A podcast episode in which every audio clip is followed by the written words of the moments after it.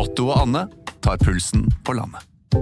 Ja, det gjør vi. Jeg heter Otto Jespersen, og hva var det du het igjen? Jeg heter Anne Grosvold, og hver uke har vi med oss en interessant gjest. Det har vi. Otto og Anne tar pulsen på landet, hører du der du hører podkast. Fredrik og Kadafi, en podkast fra TV 2. To såkalte IS-kvinner er hentet hjem fra Syria. Hvorfor var det så om å gjøre å få dem tilbake? Det er 15 år siden Martine Wiik Magnussen ble funnet drept i London. Nå snakker den antatte gjerningsmannen til BBC. Og er vi i ferd med å bli en nasjon av tungvektere? Vi spør Camilla Stoltenberg både om det og hvor lurt det var med så strenge koronaregler. Du lytter til Fredrik og Kadafi. Hei, hei. Hei, Kadafi. Det er altså Kadafi Saman og Fredrik Gressvik som sitter her i studio. Kadafi, hva er det du skal gjøre i påsken? Vet du hva, jeg er eh, usikker. Jeg er veldig glad i snø og glad i sol. Og når jeg våkna i dag ute i Buskerud, så var det jo masse, masse snø. Så jeg Ja, for du bor i Buskerud, da. Jeg bor i Buskerud, Lier. Eh, og da tenkte jeg yes, nå blir det noen skiturer. Eh, jeg trenger egentlig ikke å dra på fjellet. Men den andre siden av meg savner jo sol. Altså det, det har vært grått og det har vært mye jobbing. Så jeg vet Jeg har ikke landa. Så det er bypåske Nei, kanskje bypåske hvis det ikke blir fjell eller sol. Vi får se. Det er jo litt dyrt òg, å reise nå. Du da?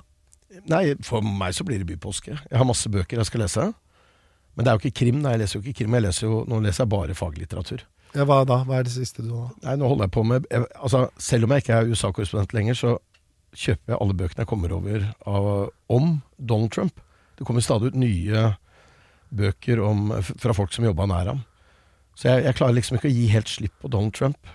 Um, og det vil nok ikke overraske så mange heller. Men uh, han var en veldig stor del av livet mitt gjennom noen år, så Men kan du ikke ta med Trump til fjella, eller til en uh, strand, eller må du, må du ja, sitte hjemme? strand hadde vært deilig. Men uh, nei, jeg tror jeg blir hjemme. Og så hvis det blir bypåske på begge oss to, så kan vi jo ses over en kopp sjokolade og en appelsin et eller annet sted. Det høres ut som vi er ganske dølle mennesker. De to eh, Bærum-søstrene som reiste til Syria for snart eh, ti år siden, kom hjem til Norge denne uka. Og så ble de arrestert idet de gikk av flyet. Beskyldt for å ha støttet terrorgruppa IS. Kadafi, fortell hva bakteppet er. Nei, jeg husker jo, jeg dekka jo den saken, og det som skjedde var jo at det var familien i Norge som slo alarm. Faren deres, som da hadde funnet en lapp, brev, om at døtrene hadde reist til Syria. Og så fant man jo ut etter hvert at den ene dro for eh, kjærlighetens skyld, og tok med da eh, lillesøster på 16. Den gang var de 19 og 16. Og denne saken fikk jo stor oppmerksomhet fordi faren dro etter, prøvde å få de tilbake, lyktes ikke. Etter hvert så skrev jo Åsne Seierstein bok om disse to søstrene, som heter To søstre. Og de, de var blant de første fra Norge som dro eh, i 2013, og har vært der også lengst. Eh, så sånn sett så kan man jo si at eh, de må jo, altså når de nå, hvis de vil snakke med politiet, de sitter jo på en helt eh, altså, unik historie. Hva skjedde på innsida av IS? Og det som også skjedde etter hvert, var jo at eh, Politiets sikkerhetstjeneste sikta dem for terrordeltakelse i IS, og etterlyste dem også internasjonalt. Og etter hvert så kom de jo da inn til disse interneringsleirene, eh, og har egentlig ikke eh, bedt om særlig hjelp til å komme hjem. Det har vært noen meldinger om at de har bedt om hjelp, og så ombestemt seg, men det er først nå at UD aktivt har gått inn, henta hjem to søstre og tre barn. Det er bakteppet. Jurist og, og forsker Sofie Høgestøl, velkommen. Takk. Hvorfor var det riktig å hente de hjem? Oh, det, det er et godt spørsmål. Jeg skrev jo en kronikk om dette tilbake til 2019. Det føles så lenge siden med alt som har skjedd siden. Men uh, jeg husker at det er ikke så ofte Aftenposten er med på å bruke titlene mine, for de er ofte veldig kjedelige. Men da tittelforslaget mitt var sånn 'Jeg er enig med Trump', da tenkte jeg sånn Det kommer Aftenposten til å ville ha som tittel. Den tittelen brukte de. For uh, Trump var jo da på det tidspunktet president i USA, og USA prøvde å få sine allierte vestlige nasjoner til å hente hjem sine egne fremmedkrigere. Det var litt fordi at USA var jo tett involvert i bekjempelsen av, av IS på bakken. Og i løpet av 2018-2019 så blir jo eh, IS bekjempet. Man vinner jo territorielt over IS. Selv om selvfølgelig terrorgruppen IS fortsatt eksisterer, men ikke som en sånn territoriell enhet i Syria. Og da var jo spørsmålet hva gjør vi med alle disse fremmedkrigerne fra Vesten som vi nå har internert og varetekts, egentlig har en form for varetektsfengsling. Og da, Jeg forsker jo på internasjonal strafferett og terror, og hvordan man skal straffe fremmedkrig, eller internasjonale forbrytelser som, som disse fremmedkrigerne kanskje har vært med på. Eh, og da var jo situasjonen da, og det er absolutt samme stasjon nå, at det fantes ikke noen rettsmekanismer lokalt som kunne ta disse sakene. Eh, kurdiske selvstyremyndighetene har jo prøvd og sagt at de skal gjøre disse straffesakene, men det er så mange personer at ikke de har ikke ressursene til det. Og så har det ikke vært noen internasjonal stemning for en internasjonal straffedomstol, som mange vestlige myndigheter har hatt ønske om å, å stille til retten for. Og da har jo egentlig siste versjon vært å hente de hjem selv. Uh, og jeg, ment, jeg mente jo da at det nok var den beste løsningen ut ifra et perspektiv på at hvis vi sier at vi er interessert som nasjon i å bekjempe globale forbrytelser, så må vi også ta hånd om egne statsborgere når de er med på den type handlinger. Selv når det er den eneste antageligvis mulige løsningen å få de stilt frem for retten. Og så er det selvfølgelig barna. Eh, det er Den eneste antageligvis bærekraftige løsningen for barna er å hente dem hjem. For de er jo norske statsborgere og vil ha rett til å komme til Norge. Um, og da er jo spørsmålet om de kommer hjem til Norge fordi vi henter dem hjem når de er yngre, eller om de kommer hjem i verste fall radikalisert som voksne. Mm. Et, et, et, viktig bakteppe her er jo altså eh, I 2013, 14, 15 så var det rundt 100 personer som dro fra Norge til Syria. De fleste menn, og så var det i overkant av ti kvinner. Og fremmedkrigerne, altså mennene, mange av de ble jo drept. Noen kom tilbake igjen. De som kom tilbake, alle ble dømt. Jeg tror jeg har dekka alle de rettssakene. Og de fleste prøvde jo å si at vet du hva, jeg dro ikke for å være med i en terrorgruppe. Det var en som sa at han gikk inn i en feil leir, eh, og andre som sa at de drev med humanitært arbeid, osv. Ingen ble trodd, alle ble dømt. Og så har du hatt én sak eh, som ligner litt på den vi fikk nå, med disse to søstrene, hvor det var en kvinne som ble henta hjem med to barn i 2020, som også dro ned, hadde vært der i mange år, og hvor man etter hvert så, det kan jo kanskje du fortelle mer om, men første dommen, for jeg dekka den rettssaken, og den var på tre og et halvt år ca. Og så anka hun og fikk to år og noen måneder. Og det siste i Høyesterett så var det nede på ett år og seks måneder, eh, tror jeg. Så det blir jo veldig interessant å se hva som skjer med disse søstre nå, med tanke på deltakelse. Fordi det hun sa, var at hun var husmor og passa barn, og var ikke noe stridende. Likevel så fikk hun altså fengsel. Altså, jeg har jo forsket på akkurat det. Hva betyr det å delta i en terrororganisasjon? For det er det vi har gjort straffbart i Norge. I 2013 så innfører vi disse nye lovene. Litt fordi at vi ser at nå er det masse fremmedkrigere som reiser ut. Og vi ønsker å skjerpe lovene våre. Det ba jo egentlig FN oss også om å gjøre. For å bekjempe denne type kriminalitet hvor folk reiser til konfliktsoner som Syria og deltar i, grusomme handlinger. Så men da har jo mitt spørsmål som jusforsker vært hva betyr deltakelse? Det kan bety så, så, mangt. Og når du leser forarbeidene for den loven, så var det heller ikke så klart hva deltakelse betydde. Det sto, det sto liksom i forarbeidene, som er de dokumentene du lager når du utreder en lov, så sto det liksom at det skal være vidtfavnende, og det skal være aktive bidrag.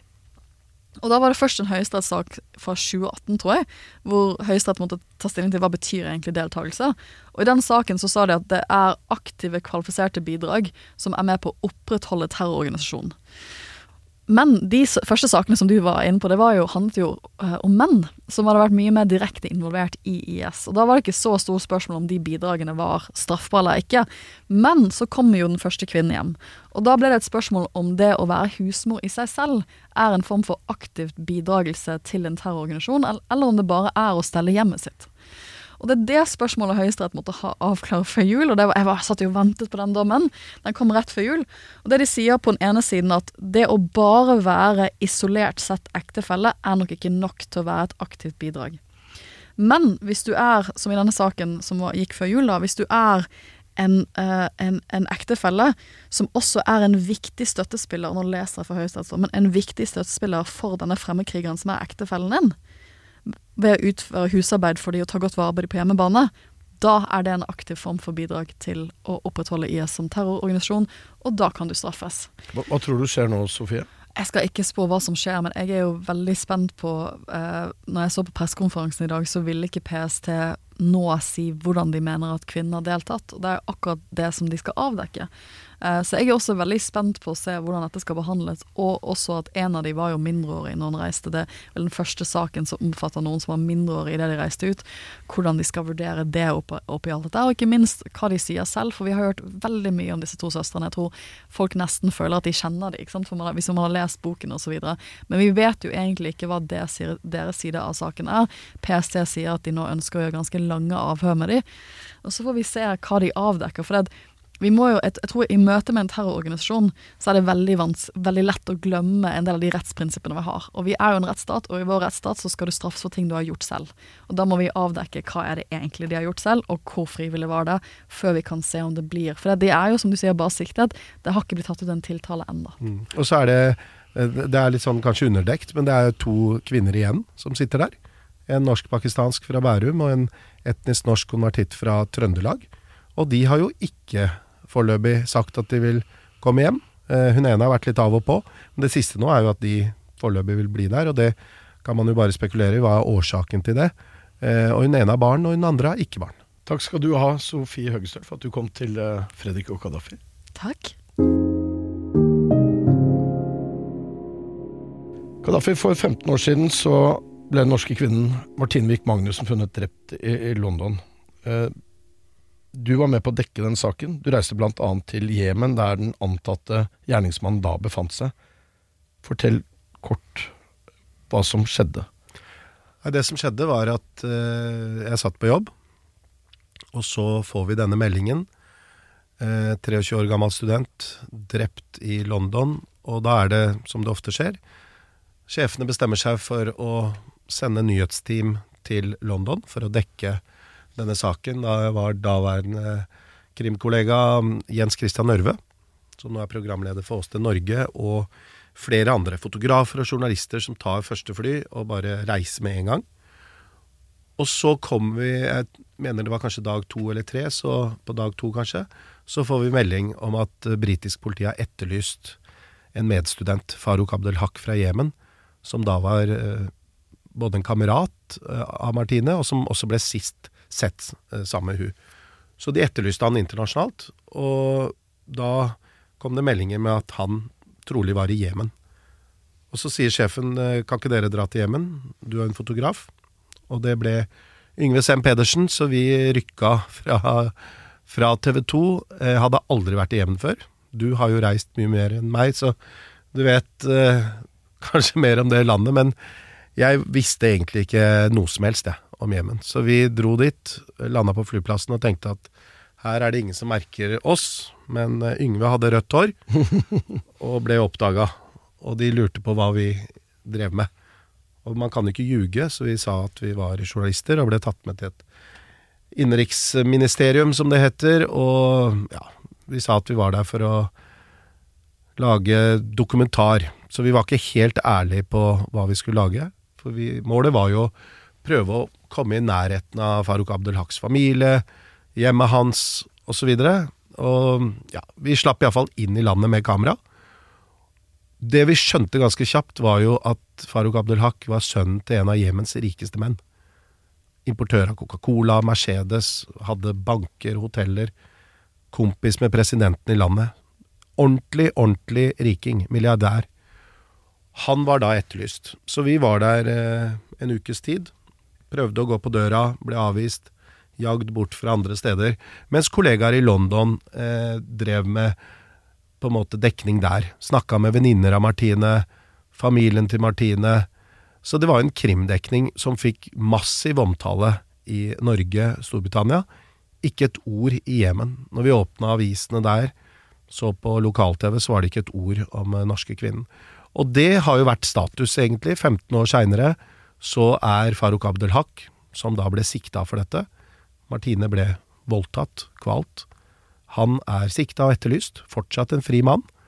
Og nå kommer da denne BBC-dokumentaren. Ja, en dokumentarserie som, som ble sendt på TV 2. Uh, la oss høre på, på noe lyd her. But, I mean, this is not the right time in my life to do it. I just, uh,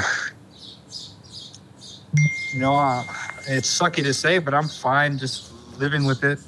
And the, the, the real fact is, and if I don't remember what happened, there's nothing really to say. I feel like that's such an That's easy way the- out. Come on, you must remember something. You don't get. You told Not me really. yourself you get flashbacks. Yeah, but the flashbacks of scenes, a, a, a picture does not tell you a story.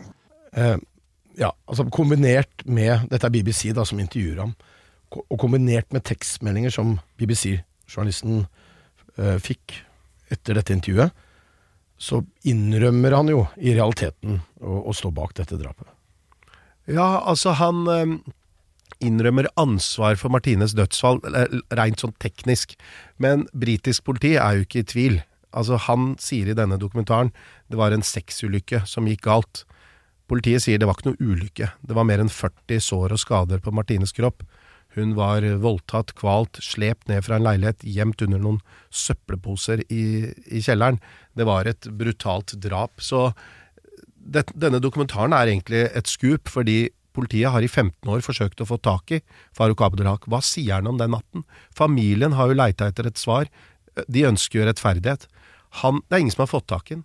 Så det vi hørte nå, det er jo faktisk første gang vi hører den etterlyste koble for det første til Martine, kobling til åstedet og den natten. Men han innrømmer ikke at han har drept henne. Eh, så, så man kan jo sjøl tenke seg hvordan det var for familien da, å høre dette. Overvekt og, og fedme kan være vanskelig å snakke om, spesielt når det gjelder eh, unge. Men det er viktig. Det er den nye folkesykdommen. Det har du sagt, Camilla Stoltenberg. Ja, altså, eh, da vil jeg si eh, fedme og ekstrem fedme kan vi kalle en folkesykdom. Eh, Overvekt i seg selv er som oftest ikke hva skal jeg si, en høy risiko for sykdom. Men det kan være tegn på at man går i feil retning, og det kan si noe om utbredelse av både fedme og overvekt i en hel befolkning. Så sånn som meg og Kadafi, når vi tar litt tak i vekta vår, så er det sunt. Ja, det er det, men uh, det er egentlig ikke den delen av det jeg driver med. Uh, fordi det jeg driver med, det er å si, jobbe med hvordan kan vi legge forholdene til rette for at folk ikke utvikler fedme. Uh, og hvordan kan vi sørge for at barna, de unge, og ikke minst de barna som skal fødes i år og neste år, ikke utvikler fedme, og at de helt uten å merke det, ikke får det problemet i så stor grad som det vi har i vårt samfunn i dag. Men du har ikke råd til noe, altså til enkeltpersoner? Fredrik som har bikka 100 kilo. Nei, det har jeg ikke. Nei, jeg driver ikke med det. Er det, er det amerikanske tilstander på gang? Nei, i Norge er vi heldigvis ikke i samme situasjon som i USA og i Storbritannia og ganske mange andre land. Men vi er i en situasjon der det er under halvparten av den voksne befolkningen som regnes som normalvektige. Det gjelder både kvinner og menn, men, i menn enda, men for menn i enda større grad enn for kvinner. Burde ikke den eh, normalvekten da ligget høyere, eller bør folk Ja. bevege seg mer? Folk bør spise sunnere og bevege seg mer. Men som sagt, det jeg jobber med, er jo først og fremst hvordan kan man legge til rette for at alle får den muligheten, og at de får den fra de er født og framover. Og da handler det om helt andre ting enn om å slanke hver enkelt. Da handler det om hvordan er skolen organisert, hvordan er byene bygget, eh, hvordan sørger vi for sosial, eh, redusert sosial ulikhet, sånn at alle får den muligheten. Em, ser du, altså Når du sier sosial ulikhet, betyr det at det er grupper eh, i samfunnet som i større grad enn andre utvikler fedme? Ja, det er stor forskjell. Det er eh, langt, mer, eh, langt høyere andel som har fedme blant de med lav inntekt enn blant de med høy inntekt. Og det er et mønster som vi ser internasjonalt. Hva kommer det av? Det er jo litt vanskelig å svare på sånn helt presist, men eh, det er jo helt klart at folk med høy inntekt har en annen mulighet til å kjøpe sunn og dyr mat. Så nå når matvareprisene stiger på alt bortsett fra sjokolade, så ser vi at det blir nødvendig for de som bruker en veldig stor andel av budsjettet sitt. De 10% som har lavest inntekt, bruker rundt 40% av budsjettet sitt på mat.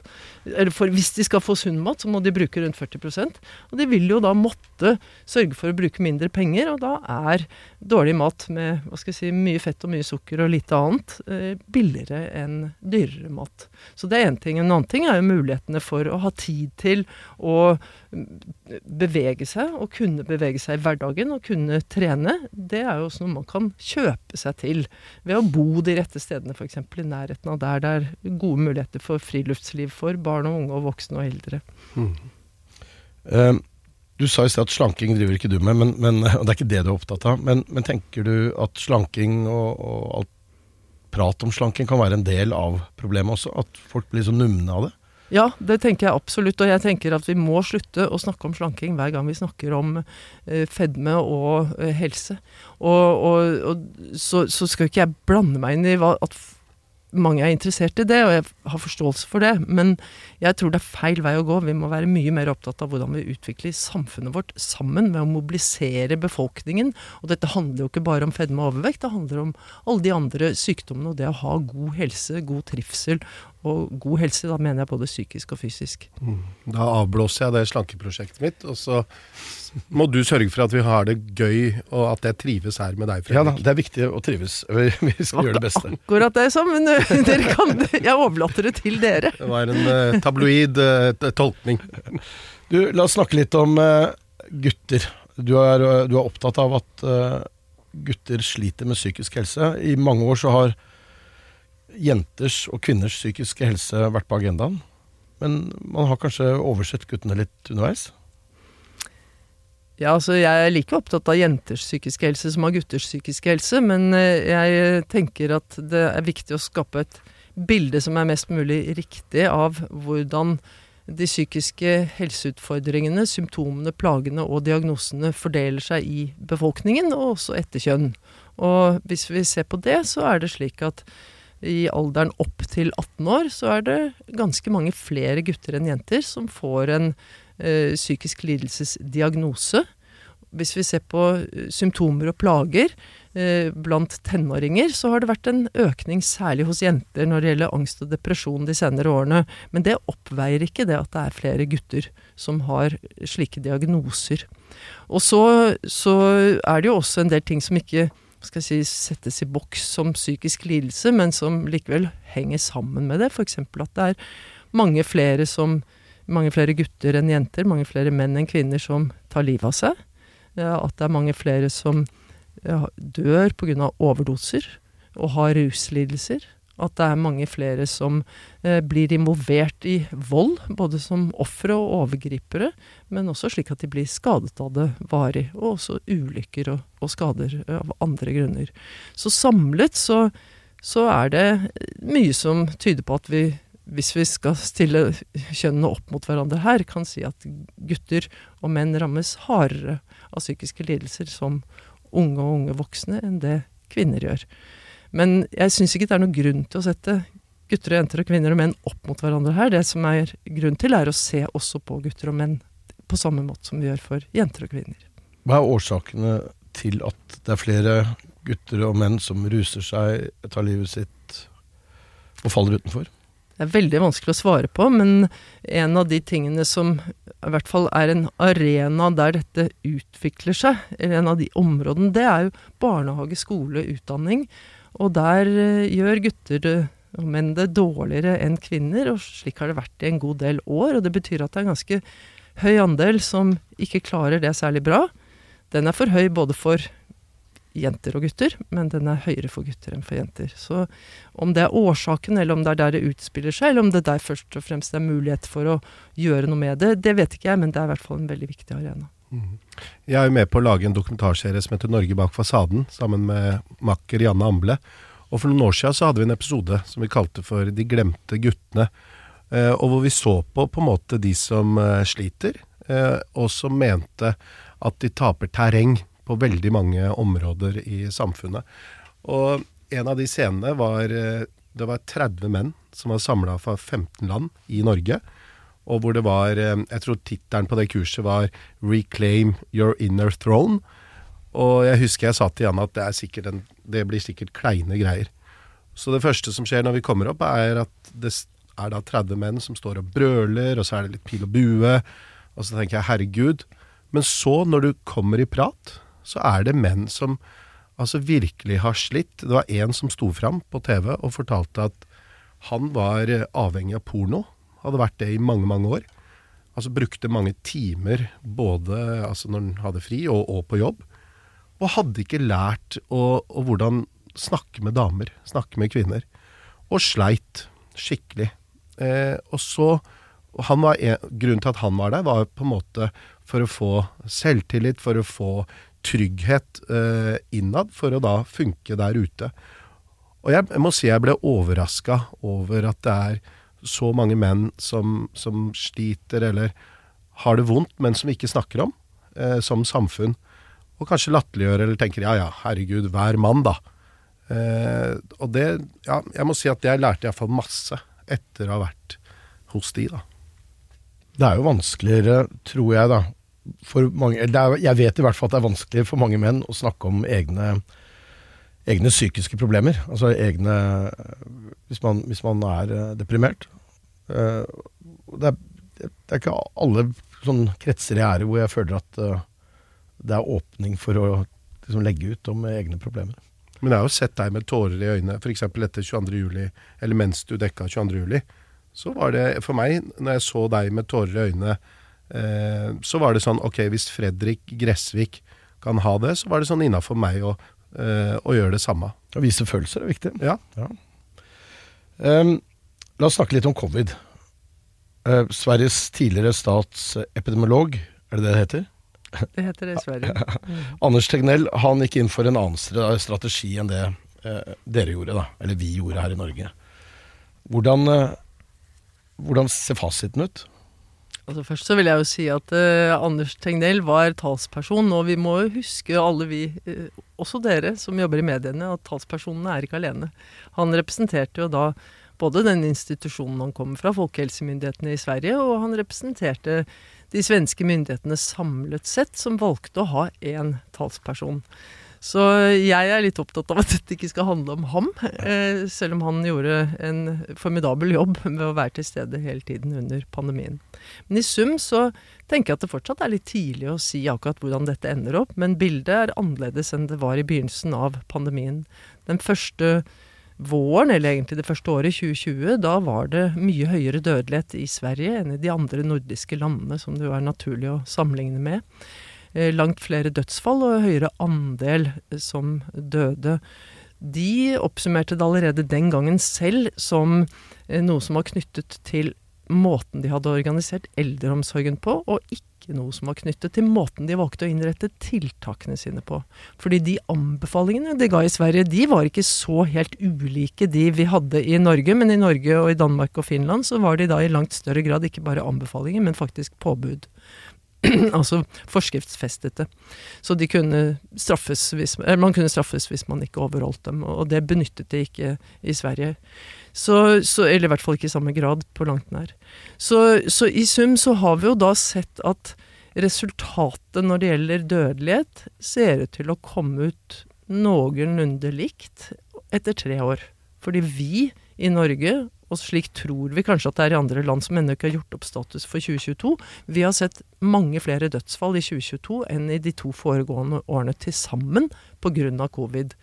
De dødsfallene, det er i all hovedsak folk som dør med covid, som er gamle, svært gamle til dels, og som er skrøpelige pga. andre sykdommer.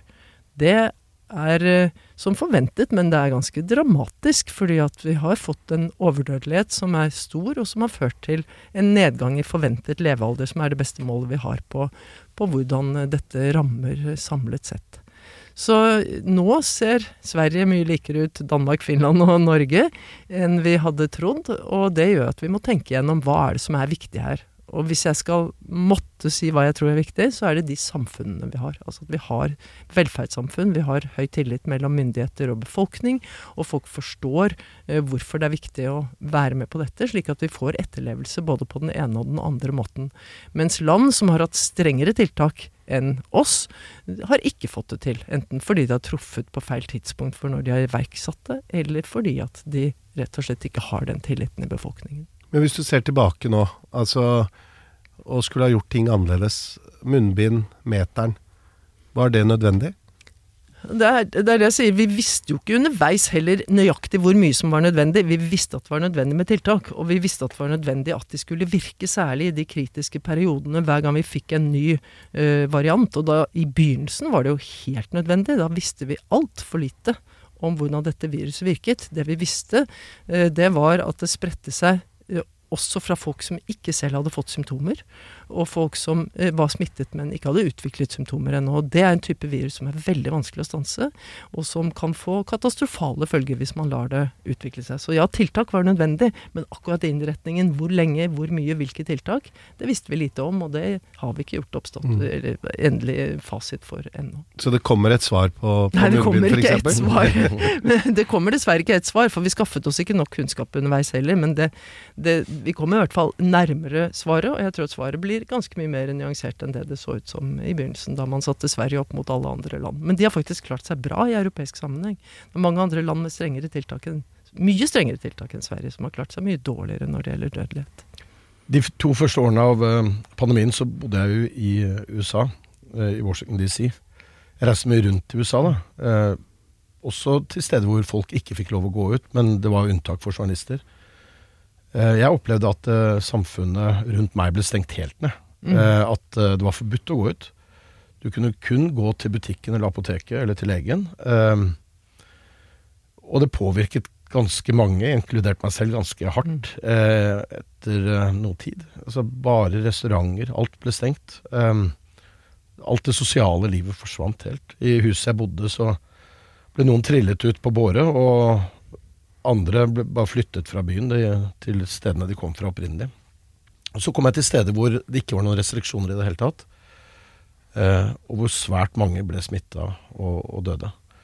Så USA var et veldig rart land å være i. Det var kanskje litt som man, om man ser på hele Europa under ett. Altså det, eh, det var forskjellige restriksjoner, og noen steder ekstremt strenge. Jeg vil bare si at uh, for min del, da, så, og nå snakker jeg om før vaksinen, så var det sånn at uh, det kom så mange meldinger om dødsfall blant norskpakistanere som jeg kjente personlig, både i Oslo og folk som hadde dratt på ferie til Pakistan. Folk i 40-åra, 50-åra, helt friske mennesker, fikk telefon. 'Vet du hva, han er død'. Og det var så sjokkerende. Uh, og jeg tenker at mye av det var nok kanskje fordi folk bodde sammen i generasjonsboliger. Uh, man tok vare på foreldra sine, og så kom barna hjem fra skolen med smitte. Så det det førte til, var jo en enorm oppslutning rundt vaksinen etter hvert. Kanskje ikke så mye i starten, og det vet jo du mye, mye mer om. Men det skremte i hvert fall livet av meg, og, og jeg har også venner nå som er skada for livet. Som er Altså, de blir slitne bare de går opp én trapp, mm.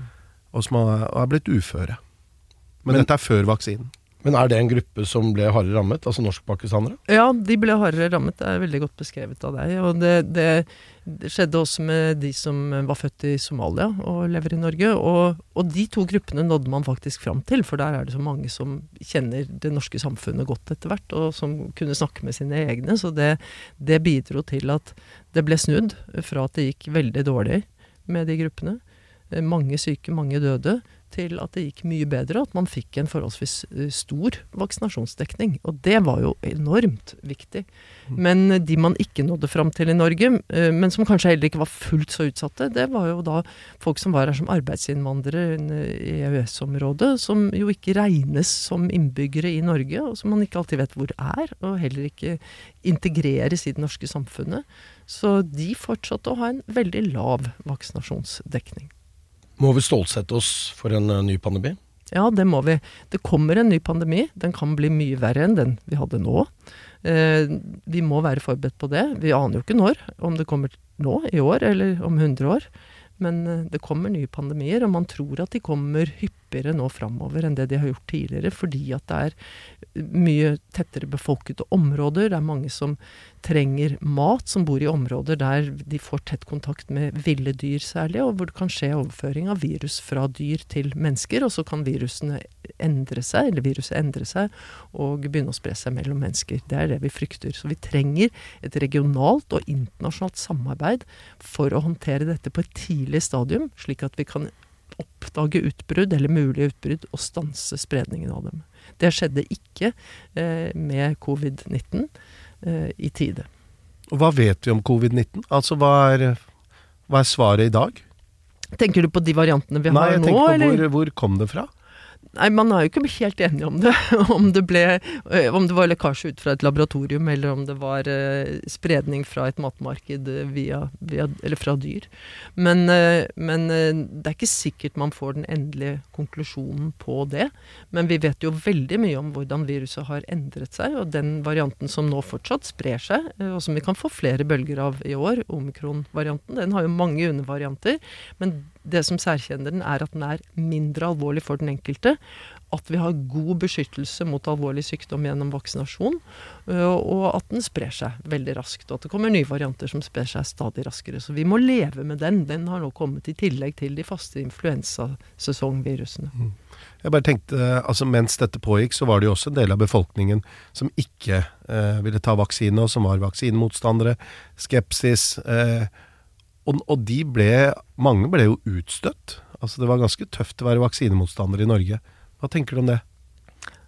Vi i Folkehelseinstituttet har vært veldig opptatt av å ikke utstøtte verken vaksinemotstandere, skeptikere eller folk som ikke tør å ta vaksinen. Tvert imot hele tiden skape tillit til vaksinene. Annet ved å følge med på bivirkninger, senfølger, og om de har effekt, hvem de har effekt for, og justere rådene om hvem som bør ta dem når og hvor ofte. Uh, Så har jo disse vaksinene som vi bruker, altså mRNA-vaksinene, de har klart seg veldig bra. Men husk at vi hadde en vaksine som vi tok ut av vaksinasjonsprogrammet, og Norge og Danmark var de eneste landene som gjorde det helt. Camilla Stoltenberg, tusen takk for at du kom til oss. Og så, med disse sørgelige fremtidsutsiktene, ønsker jeg deg en god påske. Tusen takk. God påske til dere også. Det er mye som ikke er sørgelig. Vi er tilbake allerede tirsdag med en eh, påskespesial. Da stepper statsminister Jonas Gahr Støre inn for Kadafi. Takk til eh, Sofie Høgestøl og Camilla Stoltenberg. Her i studio satt Kadafi Saman og Fredrik Resvik. Teknisk ansvarlig Mikael Skorbakk. Produsent Maja Gjertum og redaktør Karianne Solbrekken. God påske.